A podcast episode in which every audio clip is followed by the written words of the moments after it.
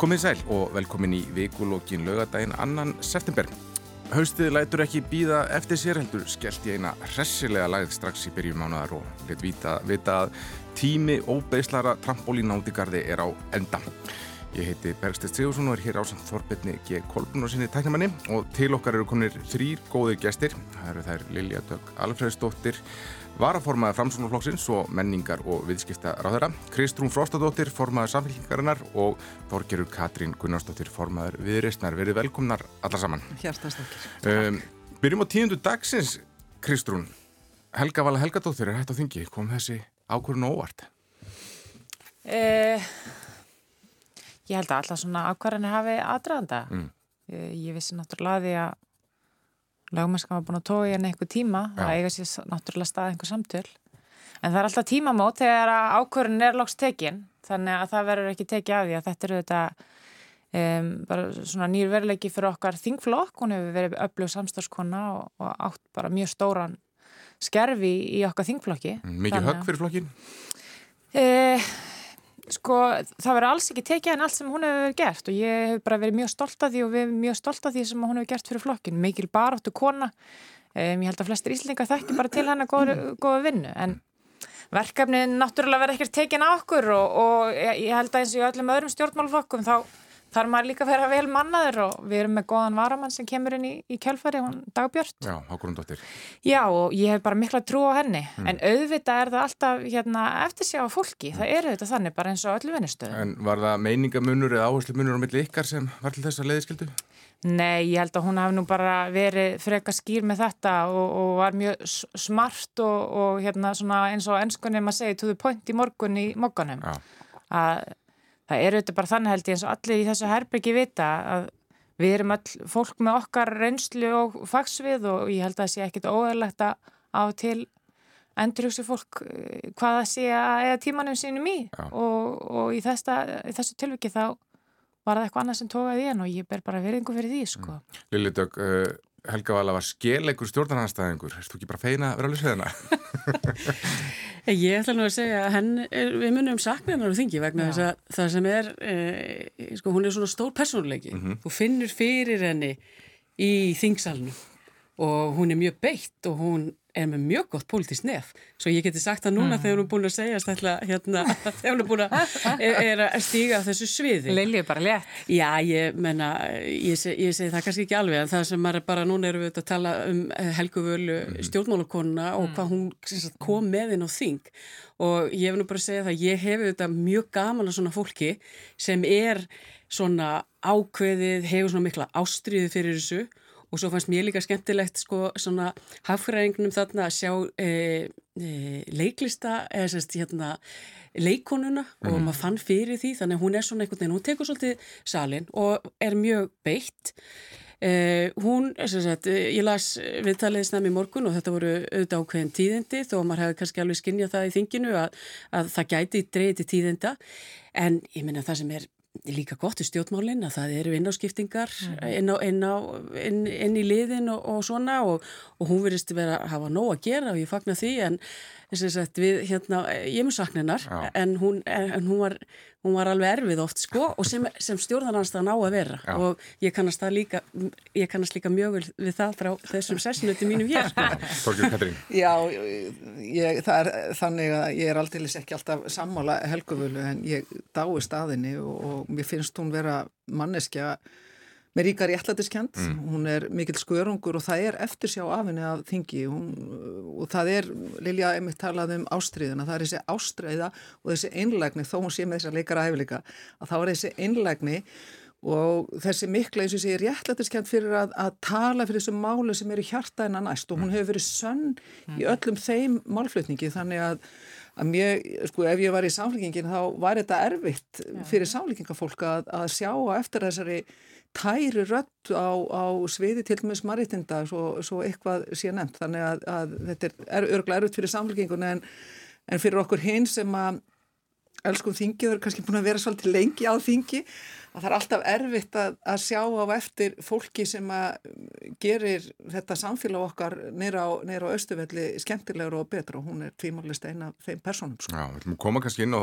þá málflokka sem hún hefur verið að einbita sér á síðari þættinum en ætlum að byrja að tala um frettivíkunar. Sjávarútismálinn voru ábyrjandi í, í vikunni, það voru strókulagsar og sjókvíum að finnast í ám og skýslaðum fiskvegi, stjórnarkerfið leitt dagsins ljós, hún á að vera höfð til hliðsónar í vetur þegar það verður gert frumvarpum fiskvegi stjórnarkerfið Það var kannski eftir að koma betur í ljós en við skulum um geima þá umræðu. En svo voru þau auðvitað kvalviðeðnar sem matvala ráð þeirra ákveða heimila með ákveðnum skilurdum og það eru margir óhrissi með þetta Lilja, það eru meðal kvikmyndagerin og ferðarþjónustan sem heyra hvort tvekja undir þig. Hvað finnst þér um þetta?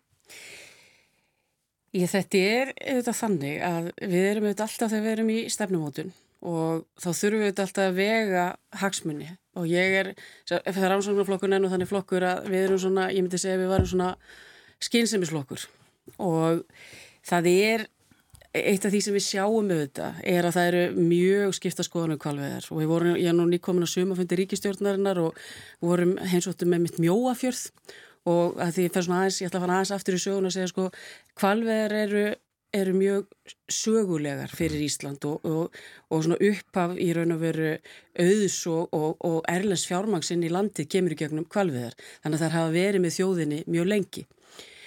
Um, Það var alveg ljóst að þetta kom uh, þegar þessi ákvörðun um, um tímabundi bann, hún var ríkistjórn nervið og við verum ekkert fólk var ekkert feimi við það að, að tjá sína skoðanir hvað það var þar. Eh, það sem gerist núna er að e, matvælar á þeirra tekur þessi ákvörðun um að, að heimila þær en er búin að þrengja verulega að í raun og veru sagt, því hvernig, sagt, hvernig veðanar eru stund, eh, hérna stundar mm -hmm. og ég stið það og ég til að það hefur verið skinsaleg nálkun á þessum tímapunkti en svo er það auðvitað þannig að þessi umræði verður tekin en á alþengi ger ég ráð fyrir síðar í vetur. Þá bara hvort að ég er leifit áfram eða hvort að ég er banna. Hérna, og þá förum við þetta í þessa stóru efnismiklu umræðu og það sem við, við, við vegum og metum kosti og galla þess. En það er hins vegar svo að, að hérna, e, þetta hefur kvalvegir hafa á síðustu 15 árum oft verið í Íslandingum bara erfiðar. Mm. Aðalega e, þessi orspós áhætta. Mm og ég ætla ekki að sita hér og segja að ég hérna einhvern veginn að hún fari fram hjá mér. Já, þannig að þú hallast að því að banna þetta. Ég, ég er búin að taka það ákvörðun og ég er búin að, í raun og veru, eh, ég er búin að hugsa mjög mikið um kvalveðar í sumas og ég hérna, hérna, greinu bara frá því. Ég ætla að gefa, gefa þessu ákveðin tíma, mm. fara yfir öll með og móturökin þegar við tökum þessu stóru ákvörðun einn á þingi, en mm. svo er það auðvitað þannig sem ég var að nefna, ég menna e, kvalveði skiptu Íslendinga mun meira máli hérna þegar það var verið að byggja upp e, hérna fyrir hundra árum en það ger í dag, það er mm. alveg ljóst Kristrún, um, Jón Pál Jóhansson sagði vikunni að uh, samfélgi væri mótfallin kvalveði með stytti mm. þessa ákvörðun mm -hmm. Helga Vala, sem er nú að þetta, hún sagði hins vegar að það væri, hefði runni ekkit breyst frá því að Svandís setti þetta uh, tímabundna bann á Já. og núna. Hva, hva, hvað segir þú? Sko, mér finnst kannski ekkit óæðilegt að fólku veit ekki alveg hvað það er stíð inn í þessu umræðu eftir þetta ringli sumar, ef ég er alveg hreinskilin, en að þess að um, mismunandi tólkuna á lögunni þessu samengi snýr kannski að hvar þú ert að grípin í málið, sko, Svandís segir í vor að hún hafi ekki lagaheimild og segir þetta í margar vikur, mörgum mm. vikum áður eins og ákvörðinu tekið, hún hafi ekki lagaheimild til þess að stöða veiðarnar, stígur svo inn með einstags fyrirvara og stöðar þær og eins og ég tólka þetta og mín tólkun er, er eins og, og Jóhann Pál stillir þessu fram að þessi ákvörðin núna umræða snýst um Um, hvort að þessi ákvörðin hennar í byrjun sömars að banna veðarna með svona stuttum fyrir, fyrirvara hafi átt að rétt á sér. Og fyrir mér er það sjálfstæð ákvörðun algjörlega óhað því hvaða skoðun samfélkingin hefur á, á kvalveðum og, og svo stefna er alveg skýr að, að samfélkingin hefur verið á móti kvalveðum og, og ég stiði líka það stefnu flokksins um, en fyrir mér skiptir máli hvernig hlutunir eru gerðir mm. og ég get ekki tólkað með öðrum hætti en þetta skref sem að Svandís var að taka núna í vikunni sé hún að bakka með það ákvörðin sem hún tók í byrjun sumars. Ég hef engar aðrar forsendur en að, að ráður eins og Svandís með sínar pólitísku meiningar og ég ber bara virðingu fyrir hennar faglega nefi sama hvað mér kann að finnast um þetta stjórnarsamstarf að hún hljóta hafa komist að þeirri niðurstu eftir yfirlegu í sumar að hún gæti ekki staði við þessa ákvörðun. Mm. Þannig að mér finnst tíðindi vikunir ekki vera að það eigi að leifa kvalveðar eða það hafi verið leiðar kvalveðar heldur hún að vátta sig að því aðdraðandi ákvarðanar var ekki nógu góð og ég hef líka sagt að ofinbarlega á öðrum vettvangi að mér finnst skiptamáli að fólk áttu úti viti að samfélkingin skilur hvernig að skiptamáli hvernig hlutinir eru gerðir og ákvarðanir og, og ef við tökum ákvarðanir þegar við förum í ríkistjórn þá verða þær teknar á ígrönduðu máli með lögin á baku okkur. Mm, en má, má þá ekki segja að hún sé að sína ákveðin pólitísk klókindi að því að eins og Vilhelmur Átnarsson sagði Kastljós í vikunni að það er þegar búið að fórna vertíðinni með þessar ákvörðin. Já, sko, pólitísku klókendin eru líklega svo að láta sömari snúast um kvalviðar mm. og það er kannski það sem ég er ósattust við, algjörlega óhauði hvað skoðun ég hef á velferð dýra á þessum veiðum. Um, þá verði ég líka bara að horfast í augu við það að þegar við tölum við almenningi í landinu þá er það sem að fólk er fyrst og fennst að tala um í dag, það er 8-9% verbulga, það er 9% stýrvextur og þess að það. Þannig að þeim eru við auðvitað tekist í ríkistjórnina að beina sjónum að einhverju allt öðru en það sem skiptur fólk mestum máli þessa dagana. Þannig að þýleitinu til, þó ég veit að fólk fólk er ósátt með kannski málalektir þarna þá gefur þetta okkur ráðrum núna til að tala um stóru málin og, og því fagnar ég. Mm, hvað gerir? Já, myndi sem er búin að byrtast okkur í sumar er svolítið svona fortíð mútið framtíð, gömul atvinnugreina mútið nútíma atvinnugreina hvað sem að er ferðarþjónusta eða, eða kvikmyndagerð eða, eða hvað eina en síðan er líka önnur mynd sem að, að mínum að þið byrtist okkur og það er svolítið tær sérhagsmunagæsla mínumatti eh, sem að byrtist okkur um það hvernig til að með þetta sjálfstæðaslokkur fer upp á afturlappina og talandum einmitt um það hvernig um, fólk er að tala um og ég er búin að vera að ferðast um, um landið og þar er fólkið einmitt fyrst og síðast að, að tala um þessa 9% verðbólku, þessa vexti sem að 14 stýrivaksta hækkanur í, í röð um það að, að lánin 45 miljónur krónar lán overtrykt er búið að hækka afborgarnir 190.000 í, í næstu 400.000 krónur á mánuði. Eh, verðhækkanir 40-60% á, á almennu nöðsynum á, á þessu ári. Þetta bytnar alltaf sama fólkinu. En sjálfstæðslokkurinn kausa að rýsa upp á afturlappina þegar koma kvalviðum, ekki út af ríkisfjármálum ekki út af efnagsmálum, ekki út af stöðu heimilana, ekki út af orkumálum ekki út af því að eh, vinstri græn uh, frestuðu til að mynda því að, að veita ríkisáta sem er að valdheimildir inn í, inn í kjaradeldu mm. sem er núna bara strax núna höstmánuðum að skella á. Þannig að, að um, já það er prákveð mynd sem að byrtist okkur er en þú þekki mótruguna það sem verið að stíga inn í atvinnufrelsi með, með ólöglegum stjórnvaldsákvörðun það er mótrugin Ég vil meina það að svo ákverðin sem hún tók, hún var náttúrulega svolítið sérstök ákverðin í, í vor sem hún tók eða byrjun sumas, en þá voru alveg gildar ástæði fyrir því og náttúrulega fyrirtæki kvalur er markbúið að fara á svig við reglugerðir, mm. við, við e, svona fyrirmæli frá, frá stjórnvöldum og það er ekki ástæði lausu sem að Svandís sem ráþeira setur eftirlitsmennum borði í, í skip og það hlýtur þá að hafa einhverja aflegningar, það hlýtur þá að þegar eitthvað gerist að, að má alveg, það má alveg skilja þessa ákvörðun á sínu tíma hjá, hjá Svandísi en þegar uppi staðið að þá er snildin svo emitt að hafa látið sumari snúast um kvalviðar en ekki stóru málinn sem brenna á íslenskum heimilum og það er þess vegna sem ég hlakka til að þing núna fari að koma saman þannig að við getum farið að, að ræða ímis mál til að með þetta ég geti spurt hana Lilju hvort hún væri í sammála bjarna eða fjármálar á þeirra með það hvort að, að, að eh, Sælampakkin uh, skorti trúveruleika í baróttu sinni við, við verbulguna og hvort að ríkisfjármálinn uh, spila engarull í baróttu við verbulguna. Þetta er eitthvað sem kom okkur mjög óvart. Þetta var fróðulegt að heyra aðra ráð fyrir ríkistjón. Við hefum ekki bara láta Þorgeri taka með veldin og, og, og, og láta þeim að spyrja svara þessu. Ég meina þetta er það sem margir segja. Þetta, þetta er stórumálinn. Þetta er svo skemmtilegt í stjórnmálinn. Það er hérna, ég er sammála Kristján og Þorgeri uh, hvað varðar þessi stóru mál mm. sem við stöndum fram með fyrir og í mínum huga og ég held ég sé nú sjálf búin að tala um verbulguna í svona tvö ár, stanslust mm og hérna uh, hún er stærsta málið og við gáum út mittir áðaneyti skýslu í byrjun vikunar sem heiti Gjaldtakvar sem er viðskiptabankana. Það sem við erum í raun og veru núna, ráðanitið er að stíga miklu fastar inn í þessi neytindamál mm -hmm. og það málu segja þessi vika, hún hafi verið e, góð fyrir íslenska neytundur og þýrleitinu til að við erum núna með þessari skýslu erum komið með bara mjög góð kökk sem sína að vakstamunur og fyrirtæki er miklu meiri kostnaði greiðslumiðlun á Íslandi meiri, gengisálaði meira og þetta verið plagg og skýrsla sem ég mun nota út kjörtumabilið og uppfæra til þess að fara inn í þessi stóru mál sem uh, formaði viðreysnar og samfélkingarnar eru að ræða um. Vegna þess að við vitum það bara að þegar stýrivægstur eru búin að hækka svona mikið og mhm. verðbólgan er svona mikil og afborganir eru að aukast og þær eru hlutværslega vestar fyrir eh, yngsta fólki í landinu og þá er það okkur byr siðferðislega skilda að taka það afar föstum tökum og þannig allt sem við getum gert eins og ég var að funda með vestlunni í byrju vik vikunar gríðarlega fróðlegi fundir mm. eitt sem við sjáum og kemur svo fram í lok vikunar þetta þessi sekta samskip er að það eru fluktningsskjöld mm -hmm. er, er hægt að hagraða þar?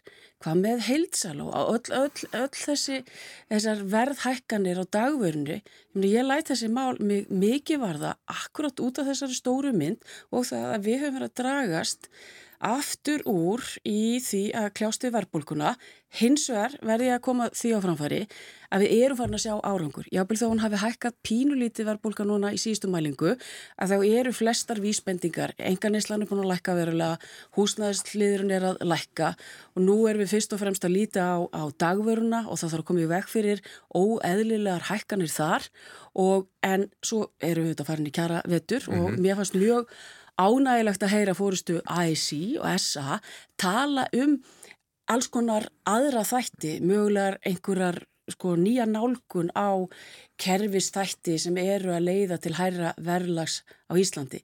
Vegna þess að það sem við sjáum er að ferðarþjónustan hefur átt mjög gott sumar mm -hmm. og gengi hefur að styrkjast. Gengi hefur að styrkjast um 10% og við auðvitað ætlumst til þess að við sjáum þá lækkanir, eins og oljuverð hefur verið að lækka um 10%, að þess að lækkanir skilir sér inn í innflutta, eh, innflutt matvæli og vinna með þessum helstu aðilum til þess að huga að því. Er eitthvað sem við getum gert, ég að dranda kjærasamninga sem lækkar mögulega vöruverð, að því að nummer 1, 2 og 3 er fólkið í, í landinu og að kjör þeirra séu ekki að rýrna. Guðmundur Martinsson er bónus, hann, er, hann segir að innflutt matvæli séu að lækka, það sem séu að hækka og valda hækkunum séu uh, landbúnaðurur innlendar. Já, ég, ég skoða þetta nú með kjúklingabringunar að því að mér hefði fundist það mjög alvarlegt ef þær hefðu hækkað svona í kjálfærið á ímsu sem mm. hjekka á. Mér skilst það svo sé ekki en ég er ekki búin að skoða tölunar á bakviða. E, það eru hækkanir e, bæði það sem Ísland er að kljást við núna og sem við hefum ekki og bara allstaðar að heimsverðbólgan eftir COVID og eftir bara mikið sem hefur að gerast í alþjóða hagkerfinu hún er enn eitthvað að koma inn. Og við sjáum það bara ef við lítum að hagtölur uh, auðverkisveslun að við erum enn að sjá stórar hækkanir uh, síðustu sex mánuðina sem er vist eitthvað að skila sinn ég veit þetta er orðið svolítið svona eitthvað mikið að tölum en, en þetta er hins vegar stærsta máli sem við stöndum fram með fyrir. Og ég mun leggja mun meira áherslu á neytindamálinn það sem eftir er að þessu kjörtímabili með því að endur skoða neytendalögin og styðja allar umgjörði í tegnslu við e, neytendamál og samkjæmsmál. Og svo er að spurningin á Þorgerar, til ertu samála Bjarnar Benediktsson um að Sælabankin hafi mist trúveruleika með síðustu stýrvæðstækun? Þetta er nú gamli vinnustæðan okkar Kristrúnar. Ég hérna, sko, ríkisfjármál, peningastefna og vinnumarkaðurinn mynda eina heilt mm. þegar við erum að kljástu verbulgu. Eh, það er engin spurning í mínum huga að þetta að ríkisfjármálinn skipta máli. Þannig að það var klúður hjá Bjarni að segja það er Sæðalabankars að lækka uh, að halda aftur á verðbólku ekki okkar. Það sem Bjarni Bendisson uh, var að segja að það sé megin hlutverk Sæðalabanku Íslands að uh, einblýna á verðbólkuna Það er hins vegar svo að þegar þú er komin í svona tölur að þá þarf mjög virt eh, samspill ríkisjórnmála og ríkisjórnmálinn verða að koma inn í þetta og þess vegna eru við að kynna aðhaldsum ríkisfjármál, núna þessast fjármálar á þurfum að gera það um miðjan mánuðin og ef við bara lítum á hagsögu flestra ríkja að e, upprinni verðbólgu getur oft komið í gegnum ríkisfjármál mm. og það sem við sáum og bara það sem bandaríkinn hafi verið að kljást við og ímis Európuríki og við líka er að e, í tengslu við COVID-ið voru við með, var peningastefnan mjög slök og ríkisfjármáli voru það og endanum e, kom verðbólka út úr því mm. og við erum að kljást við það og við erum að sjá ákveðin árangur og ég eh, tel að peningamál skýri þetta mjög vel út síðustu, nákvæmlega hver staðan er og nú þurfum við að horfa í, þurfum að beina spjótum okkur að, að hækkunum á vöruverði og svo uh, líka þess, þessi komandi kjærisamningar að við sjáum einhverjar álfuru um Þessast, alvöru svona kerfisbreytingar sem gætu letið þess að við séum svona á betri stað en svo mjög heldur ekki gleyma því að hafustur í Íslandi er mjög mikill mm. Kristrún, stýrivextir, þeir eru kominir í tæp 10%. Já. Það hafa ekki verið herrið sen 2009, bara rétt til hrun. Um, er Sælabanki búin að missa tökinn? Ég hef reyndar bara trú á því að Sælabankin sé að gera það sem hann telur sér þurfa að gera. Uh, ég kannski uh, bara það er bæði minni hagfræði en líka pólitík. Ég veit að Sælabankin á að vera ópolítiskur í sinna ákvarðantöku. Finnst þér að vera það? Sko ég hef auðvitað gaggrínt þá staðreinda ef að Sælabankin er látið að gera of mikið þá er að einhverju leiti vera útíska pólitísku valdi til þeirra vegna þess að það eru pólitískar afleðingar af ákvörðunum og svona stórtækum ákvörðun Sælabanka. Meðal annars það er að Sælabankin á ekki að horfa til jöfnöðar eða ójöfnöðar. Hann horfur ekki til þess hvernig vextir falla með mismunandi hætta fólki. Það fá allir vakstahækkun sama hverðir eru og, og hver fjárastæðir er og það sem er mikilvægt í stöðu sem þessu er að láta ymitt Sælabankan ekki einan bera ábyrð á þessu vegna þess að við vitum það öll sem sittum hér inni að fjárastafólks er mjög misjöfn í dag og það eru margir sem er að bera mjög þungar byrðar af þessu ástandi sem að bera ekki ábyrð á henni og hafa ekki borð fyrir báru og það er ekki hlutverk peningastefnu nefndar eða Sælabankans að ákvarða hvort þú missir húsið þitt eða ekki eða hvort þú getur sett barnið þitt í frístund. Þannig að þú ert að kalla eftir einhvers, einhvers konar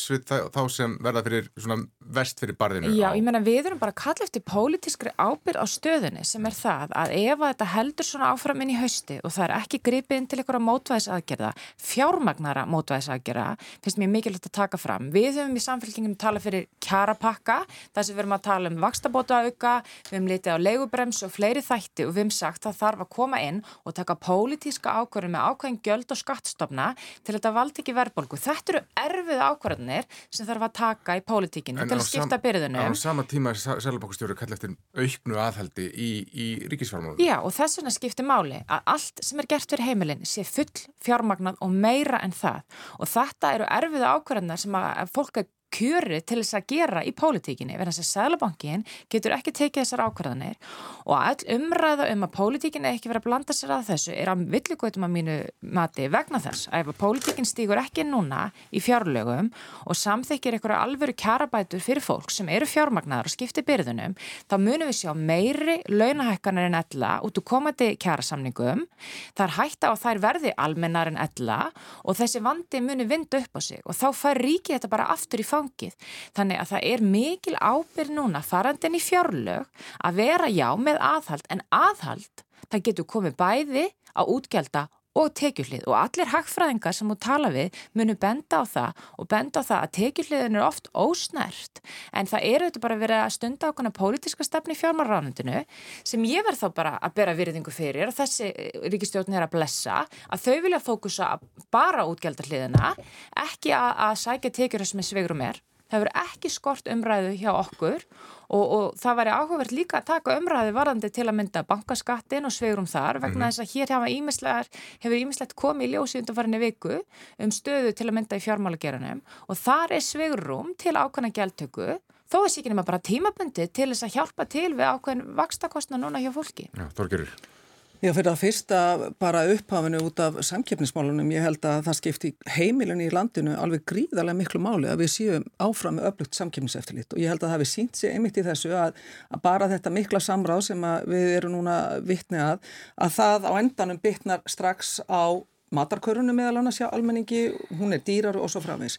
Þannig að ég vil hvetja emmitt Lilju til þess að, að gæta vel að, að samkeppniseftilitinu og þær saminningar meðal annars við neytindastofu hafi það sem að ég stið en hafi það að markmiði að styrkja enn frekar samkeppniseftiliti út af því ég veit að, að að vinið mínir í sjálfstæðisfloknum þau fáið þingmál sem hafa verið lögð fram þar hafa beinsteg mitt að því að frekar að, að draga tennurnar úr samkjöfniseftir það óttast ég þannig að, að ég hvetir á þeirra til þess að, að fylgja þessu eftir. Síðan er, síðan er, er, er hitt, það er ekki spurning, Sælabankin uh, er eitt eitt hotnið á þessu þrýjörningi sem á að halda uppi efnaðasmálunum og stöðuleika hérna. Hann er bara að beita þeim tækjum sem að hann hefur uh, lagaheimil til sem er vaksta og stýrivaksta uh, ákvörunar tækið. Ég er mjög fegin að heyra það, það hér að, að það er skilningur á því að ríkisfjármálun skipta mjög miklu máli í, í varðandi það að spyrna við, við verðbólku. Viðreysn hefur allt þetta kjörstjánabili en líka alveg frá 2017 vara við því þeirri útgjálta þenslu sem hefur átt sér stað á vakt þessarar ríkistjónar.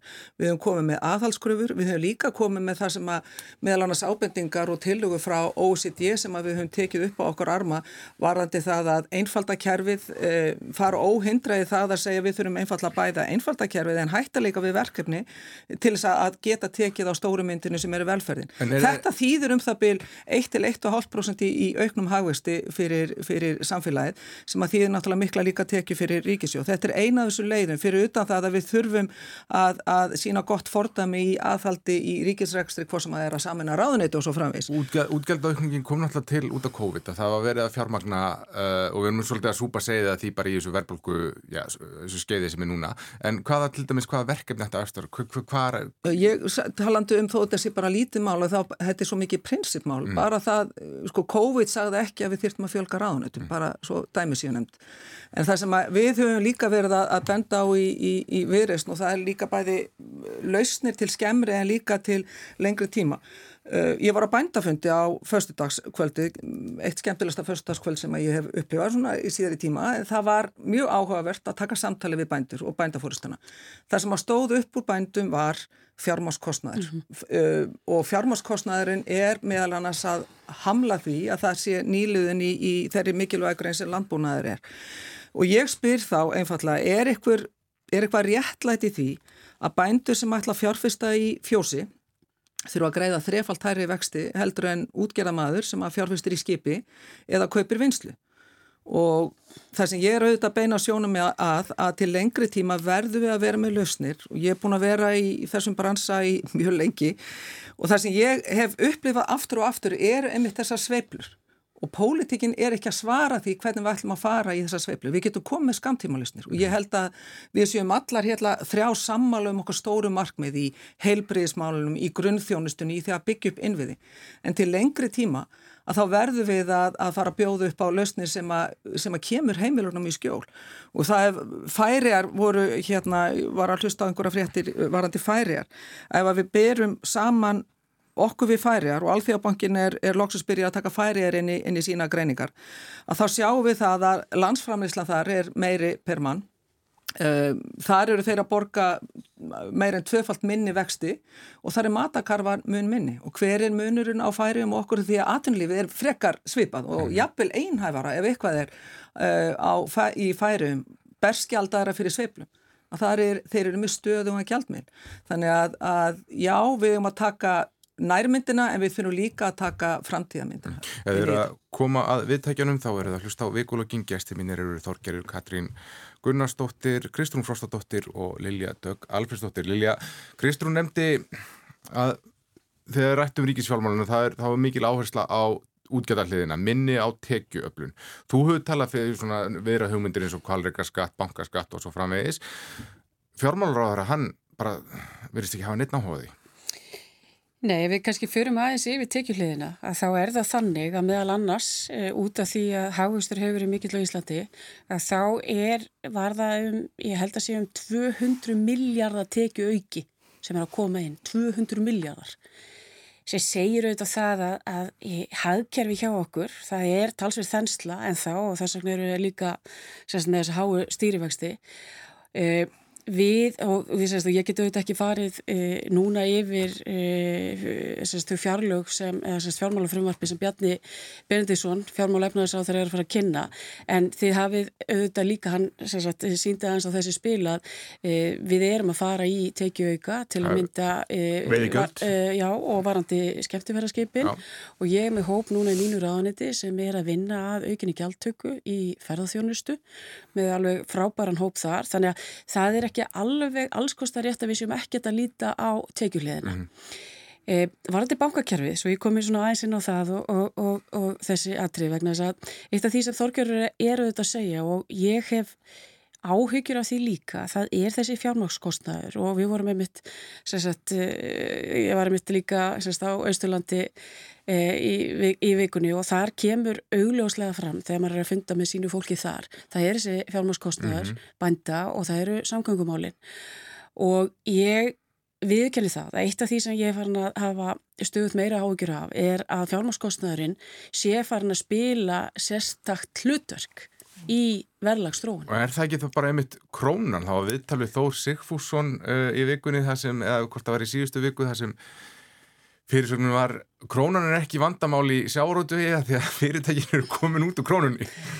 Já, ég, ég sko viljið að ég fara að tala um krónuna og, og efruna og bandaríkjadar. Ég, hérna, ég það nú gaf frá því að segja er að mín loka rítgerði í, hérna, í Columbia University á sínu tíma 2001 eh, var um hvort að Íslanda ætti að taka upp efru. Mm og ég var, þegar ég byrjaði hérna að skoða þetta og þetta er auðvitað lungu, lungu að ég fer í stjórnmálinn þá vildi ég bara nálgast þetta alveg í þessum 30.000 fetum og, og, og einmitt út af þessum sveiplum sem Þorgerður er að tala um og eru hárjættar en þá sérst, var niðurstaðan að við getum ekki gert það vegna þess að hagsveifla Íslands og hagsveiflan e, í ESB ríkjónum mm. hún væri, væri ósamkverf sem þýðir það að hér er oft mikill hagvöxtur og það er kannski minni hagvöxtur eins og er að gerast núna á efri svæðinni og þá þurfum við hreinlega að vera með hærri vexti og svo öfugt að því að grunngerð þessa hagkerfis hún er ekki nógu e, lík því sem er að gerast í ASB. Ef við lítum svo að á sko, hvaða gjaldmiðl annar við erum orðin eins og sko ég er nú ekki búin að stúdira þetta langt síðan ég var í mastersnámanu e, mér sýnist bara ofta að það sé við séum oft svipaðir í því sem er að gerast í í bandaríkjónum. Mm. Það er að segja, þú veist, við erum að fást við vinnumarkað, þar hann er mikið spenna á honum, er mikið hagvöxtur, um, en það breytir því ekki að, að mínu mati þá þurfum við svolítið í hagstjórninni að standa okkur betur en aðrir akkurát út af þessum kostnaði sem Þorgjörður Katrin er, er að nefna vegna þess að það er þannig að, að við erum í samkeppni um fyrirtæki, við erum í samkeppni um fólk mm og þegar fjármarskostnaðurinn er að verða svona stór breyta þá þurfum við einhvern veginn að sko bara ráðast af vandan og vandin er fyrst og síðast núna verðbólkon og ná henni niður. Mm. Ég tel enn að, að e, og, ég, og ég tel að sjálfstæð peningastefna sé bestu kostunum fyrir, fyrir Ísland eins og staðan er í dag. Það er auðvitað þannig að, að við erum með mjög litla mynd og, og hún sveiplast en ef við skoðum þessar sveiplur oftast þá tengist það í raun og veru bara því sem er gerast í hagkjörunni hjá okkur. Mm. Núna til að mynda hefur krónan verið að styrkjast og er að mun hjálpa okkur verulega í því á næstu mánuðum að ná niður verbulgunni mm. og ég myndi ekki vilja skipta á sumum af þeim hagkjörfum sem eru í Evropasambandinu þar sem við erum að sá uh, fólksfækkun, mikið atvinnleysu hjá, hjá ungu fólki. En nota bene, það er þetta bara mjög mismunandi hvernig þessi hagkjörfi eru og sum eru, sum ganga mjög vel. Ég menna, hérna Danir eru alltaf fremstur á meðaljafningja, uh, eh, önnur ríki eins og hérna á Ítalið það gengur ekki nógu vel þar og ekki búið að gera það síðustu 20 árin. Um Já, þannig að eh, svona langur eh, aðdragandi að þessu að ég tel að efran sé ekki lausnin heldur e, góð hagstjórn og að þessu tækifæru í Íslandi sem sannarlega eru vegna þess að þjóðtekjur og mann eru með að þeir eru mjög háar á Íslandi. Mm. Kristrún, um, samfélkingin var harður Evrópussambands og Evruflokkur en mm þegar svona dreigið úr þeirri áherslu eftir að þú varst formaður og margir eh, eigna þessu flugi sem þið hefur verið á þeirri stefnubreitingu tekur undir með Lilju að þetta sé að krónan sé málið? Sjálfstæðu gældmiðil Sko, ég meina, ég hef ekkert skipt um mína skoðun á Evrópusambandinu og Evrunni. Ég hef alltaf verið með, ég hef alltaf verið Evrópusinni. Um, og ég til, til lengri tíma sé hagsmunum Íslands betur og best borgið þar, en mm. það er ekki bara út á gjaldmiðli menn þetta er bara miklu starra mál en bara gældmiðl og ég held ymmit að við myndum gera þessari umræðu um Evrópussambandi og kostu og grík að láta þetta bara snúst um gældmiðl og þetta sé einhvers konar töfra lausn og við getum bara tekið upp eitthvað, einhvern gældmiðl. Um, ég er hins vegar bara meðvitið um það og ég er bara verið alveg stráng heiðarlega með það að mín upplifin því ég fór í pólitík var að það sem að lág einna helst af fólki var skortur á trúveruleika þegar komið stjórnmálanu mm. og ég meina það var bara maður sem saði við mig á kaffhúsi í síðustu viku ég meina maður gerir nú ekki miklar kröfu til stjórnmálanu þessa dagana, bara fólk gerir það sem maður segist ætla að gera. Og ég tek þetta bara til mín og ég átta mig bara á því að landslægið er þannig að þjóðin er klófin í tvent í þessu máli en hún er ekki klófin í tvent þegar kemur að heilbreyðismálum og þegar kemur að húsnæðismálum og ég bara tek það alvarlega ef við ætlum að fara fram og fá nýtt stjórnafæri landinu og fólk fá að trú á því að við getum gert eitthvað öðruvísi, að þá þarf að byrja á öðrum stöðum og, og, og að fá umbót til annara verka. Ég hef verið mjög skýr með þá nálgun mína. Um, það breytir því heldur ekki að ég, mér finnist það óæðilegt ef ég myndi halda því fram að það eina sem er hægt að gera núna í efnaðsmálum og velferðarmálum væri að gangin í Európa-sambandi til að laga, laga þetta. Það er bara ekki einfallega rétt.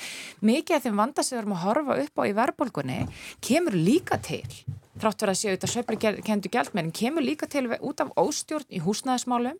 Um, undirleikjandi verðbólk og núna er kannski aðeins breið innlend á innlendum grunni en það kemur líka til vegna þess að þetta er búið að smita út í allt. Það er dýrt að eiga atvinnuhúsnæði það er dýrt að borga leigu það er dýrt að borga uh, fyrir lánið sitt og þetta þrýstir á laun þetta þrýstir á verla hjá, hjá hérna, fyrirtækjum Og þetta eru orðið bara svona landlagt vandamál af því að það hefur ekki verið vilji að horfa húsnæðismarkaðin sem markað sem er ekki, hvað ég segja, hefbundin vara á og það hefur gengið illa að tryggja eðlulegt frambóð, það hefur ekki verið vilji hjá stjórnvöldum að grýpa inn á markaðin og horfa á þetta sem heimili fólks. Mm. Þá erum við í þessum vanda og ég hef verið... Markir horf og reykja ykkur borgið þessu samingi, eitthvað flokk? Já, ég menna en það hefur bara ekki skort upp á vilja reykja ykkur borgið.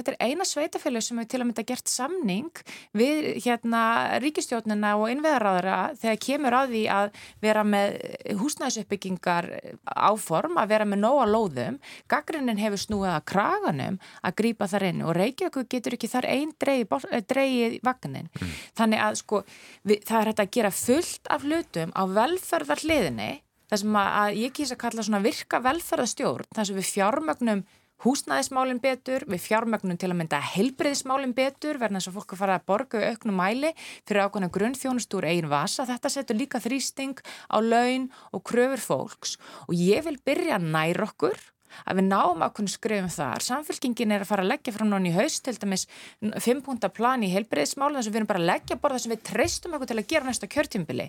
Mér finnst það bara ábyrðarluti að reyna saman að fólk um það komist eitthvað áfram en að tala um mál sem er svolítið fjarlægt fólki en þá og en það þýðir ekki, við getum ekki haldið Európa-sambandinu áfram inn í umræðinni en ég vil ekki að fólk taki ákvörðunum hvort það vilji betri stöð í húsnæðis og heilbyrðismálum út af því hvort það sé sammála mér eða ekki í Európa-sambandsmálum, ég veri alveg skýra því.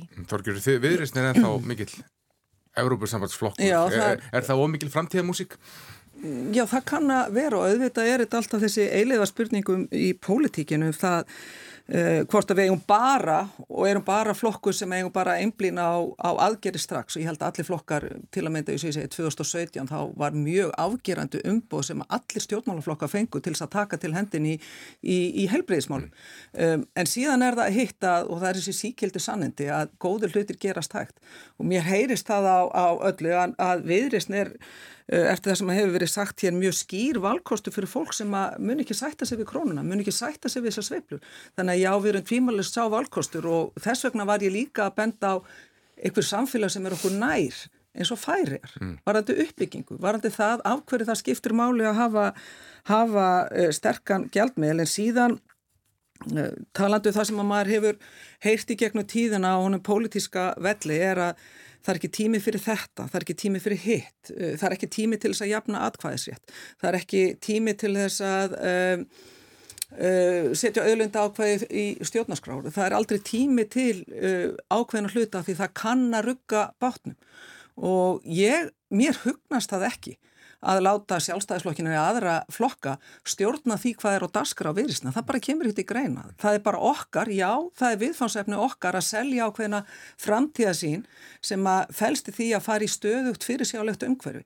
Við sjáum það bara til dæmis að, að Kroatíu, ef við nefnum Kroatíu mm -hmm. sem mhm. dæmis, sem að sótt um Európussambatið á, á sínum tíma Uh, síðan uh, fór allt í skrúuna, skrúuna hér með, með þá umsókn. Ríkistjótt samfélkingar og vinsturgræna náðu ekki að klára það mál og eftir sitju við núna eins og það málið er núna. Kroatia tók upp uh, efru um síðustu áramót. Ef við höfum gert það líka þá væru við ekki að hlusta og heyra þessar sögur núna um markvalda herri vexti hér. Það verður öruglengu vakstamunur. Ég ætla mm. ekki að draga dul á það. Ja. En ekki það að Íslensk heimili væru að sitja uppi með alltaf því þrefalt herri vakstakostna og, far, og lenda í þessari sér íslensku rúlöttu sem að, þegar kemur að húsnæðismálum. Ég er sammála því sem hefur verið sagt hér. Við þurfum að, við þurfum að auka og við þurfum líka meðlans að taka það til inn, bæðin í Reykjavík, inn, inn í Kraga líka. Við þurfum að auka frambóð á húsnæði, auka frambóð á lóðum. Við þurfum að gera það. Og það er margt, margir aðri þætti sem við þurfum að, að gera núna til þess að, að, að dempa þetta högg sem er á íslenskum heimilum og ég tala um ekki íslensku fyrirtækju líka. En við verðum sem stjórnmálafólk, eða allavega ætla ég að gera það, að þóra að bjóða upp ákveðna framtíða sín og ég segi það við eigum að tala líka þessur flokka sem að hér eru, við eigum að tala um ríkistjórnana eftir næstu kostningar að því að, að hérna, mér svona þessi ríkistjórn vera svona búin að afgreða sjálfa sig, hún verður ekki hérna eftir næstu, næstu kostningar og eitt af þessum hlutverkum okkar er að, já, eitt, eitt, já, ég held að með að við, við hamagangi sem hefur verið í sumar að þá er alveg ljóst að þessi, þessi ríkistjórn er lifandi döð þó að með, til að mynda framsóknarflokkurinn gerði það skinsamlega að var ekki að blanda sér inn í þessi málefni sem að voru í sumar heldur. Greinlega er bara svolítið með, með augun á bóltanum. Mér langar að þessi aðeins út, ég veit ekki að talað um efnahagsmálun í, í smáatriðum bara fram á kvöld. Mér langar að þessi aðeins út og tala... Sko það eru húsnæðismálinn, það eru orgumál, það er talað um að orkan sé uppselt og við þurfum að tvöfalda orguframlegslu og svo framvegis, um, það er samgöngusáttmálinn sem verðist að komin í eitthvað uppnám, það eru orguskiptin og allt þetta, það eru stór mál á mm. dagskrá, öll í einhverju pattstöðu og það verðist vera sama, svo, það er ekki eins og að fækka bensinstöðum. Uh, það er eins og sama hver komið niður í svona stóru málaflokkum þar sem við setjum okkur háleit markmið að træðumálið virðist eitthvað neginn ráðaríkjum og við komumst ekki áfram Lilja Já, ég, ég held að þessi eh, stóru mál núna, ég er algjörlega samála því að það eru þessi húsnæðismál og það var innveðar á þeirra held eh, húsnæðisþing núna mm -hmm. í mhm. vikunni Og það sem eru bara mjög skýr markmið um að það en, þarf að fjölga lóðum, já. það þarf að fara, koma með hagkvæmari, e, e, byggja og hagkvæmari hátt. En það er að hægja á uppbyggingu að því að stýrivextur eru svo háur og það er svo dýrt að byggja. Já, þess vegna er þetta eins og ég hef svona búin að segja mjög lengi, verðbólgan er nummer 1, 2 og 3, við mm -hmm. verðum að ná henni niður og við, það, við erum að ná einhverjum árangri þar. Ég ætla bara að vera svolítið vongóð hvað það var þar.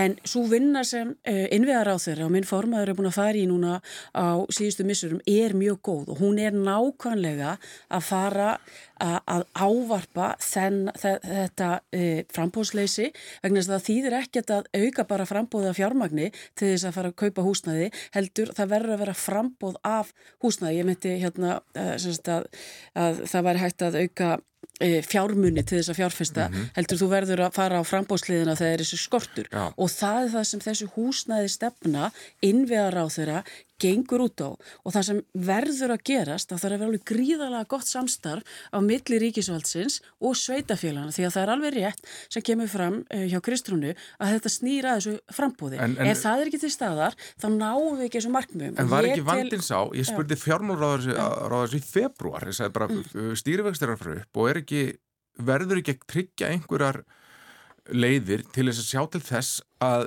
byggingargerin haldi dampi mm -hmm. það var ekki gert Hluteldalánin e, þau eru að koma mjög sterk inn í þetta. Og við erum að sjá að þetta algjöra frost sem var um nokkra mánuðaskeið hluteldalánin komu og brutu það aðeins upp. Þannig ég held að við höfum alveg bröðust við því.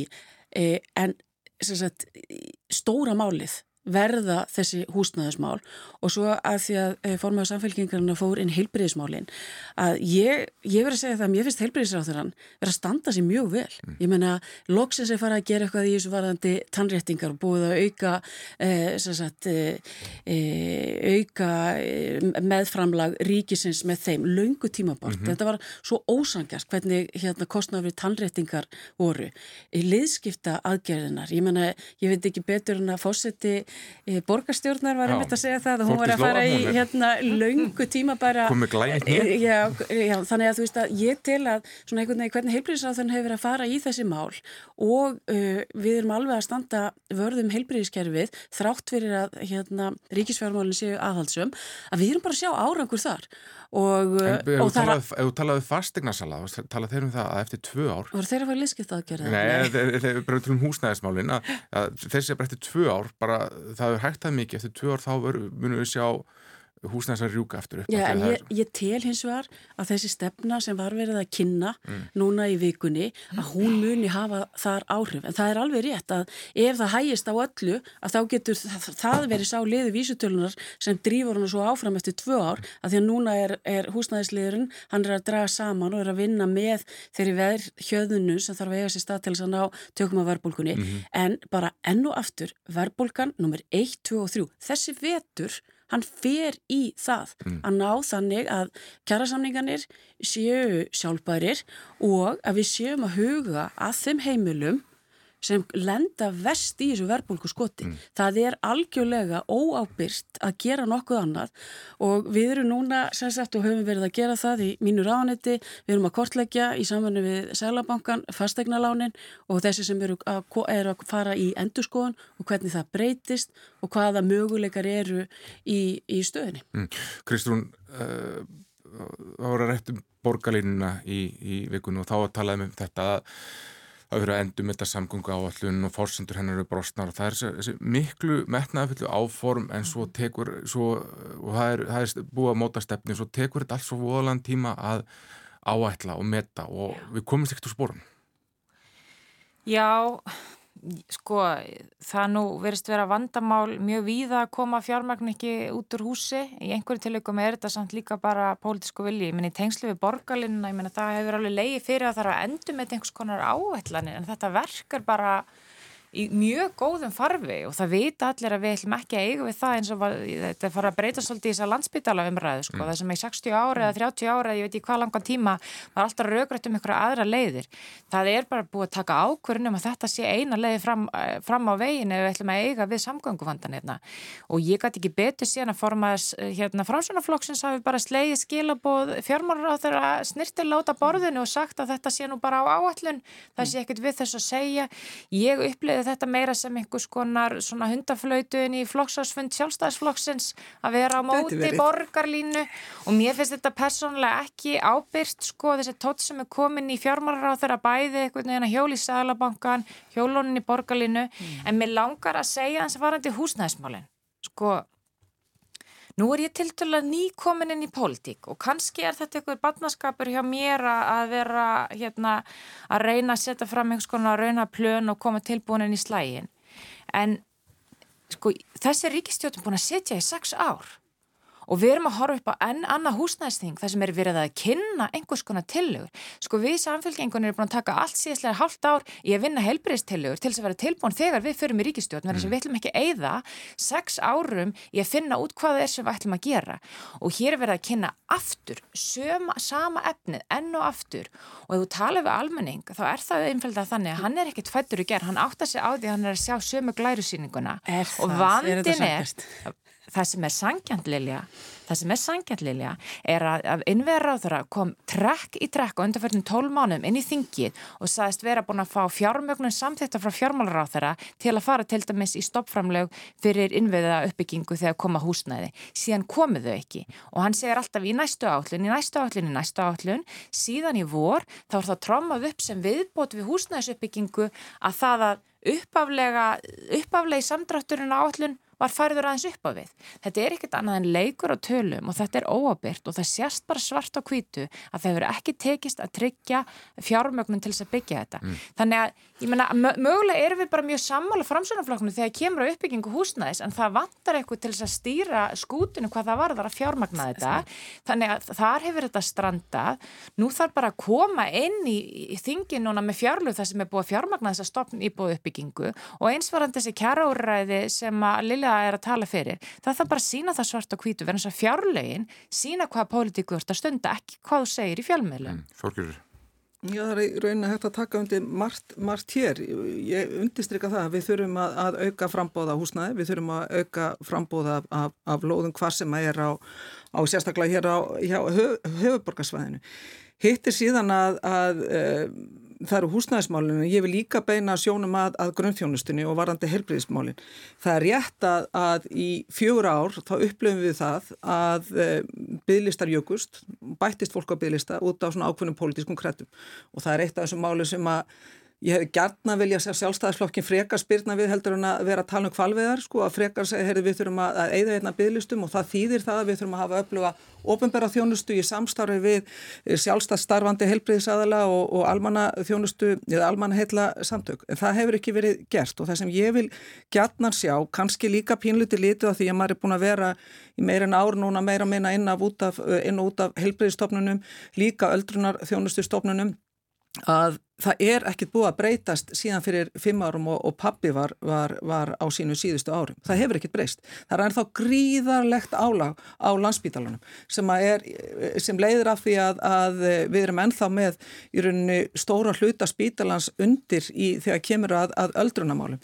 Ég hefði gætna vilja núna því ég heyri það að í samtölu mínu bæði við verktaka en líka uh, önnu fyrirtæki sem að vilja fara í það að byggja eða ofinbæra stofnanir að það er slaki í verktakagerunum. Ég held að, að við verðum að fara enn markvisar í það að byggja upp hjúknarými og, og fara í í samstarf, ofinbæra aðila og enga aðila í því að, að fjölga þeim þá hressilega núna þegar þessi slaki er á, á byggingamarkaði mm -hmm.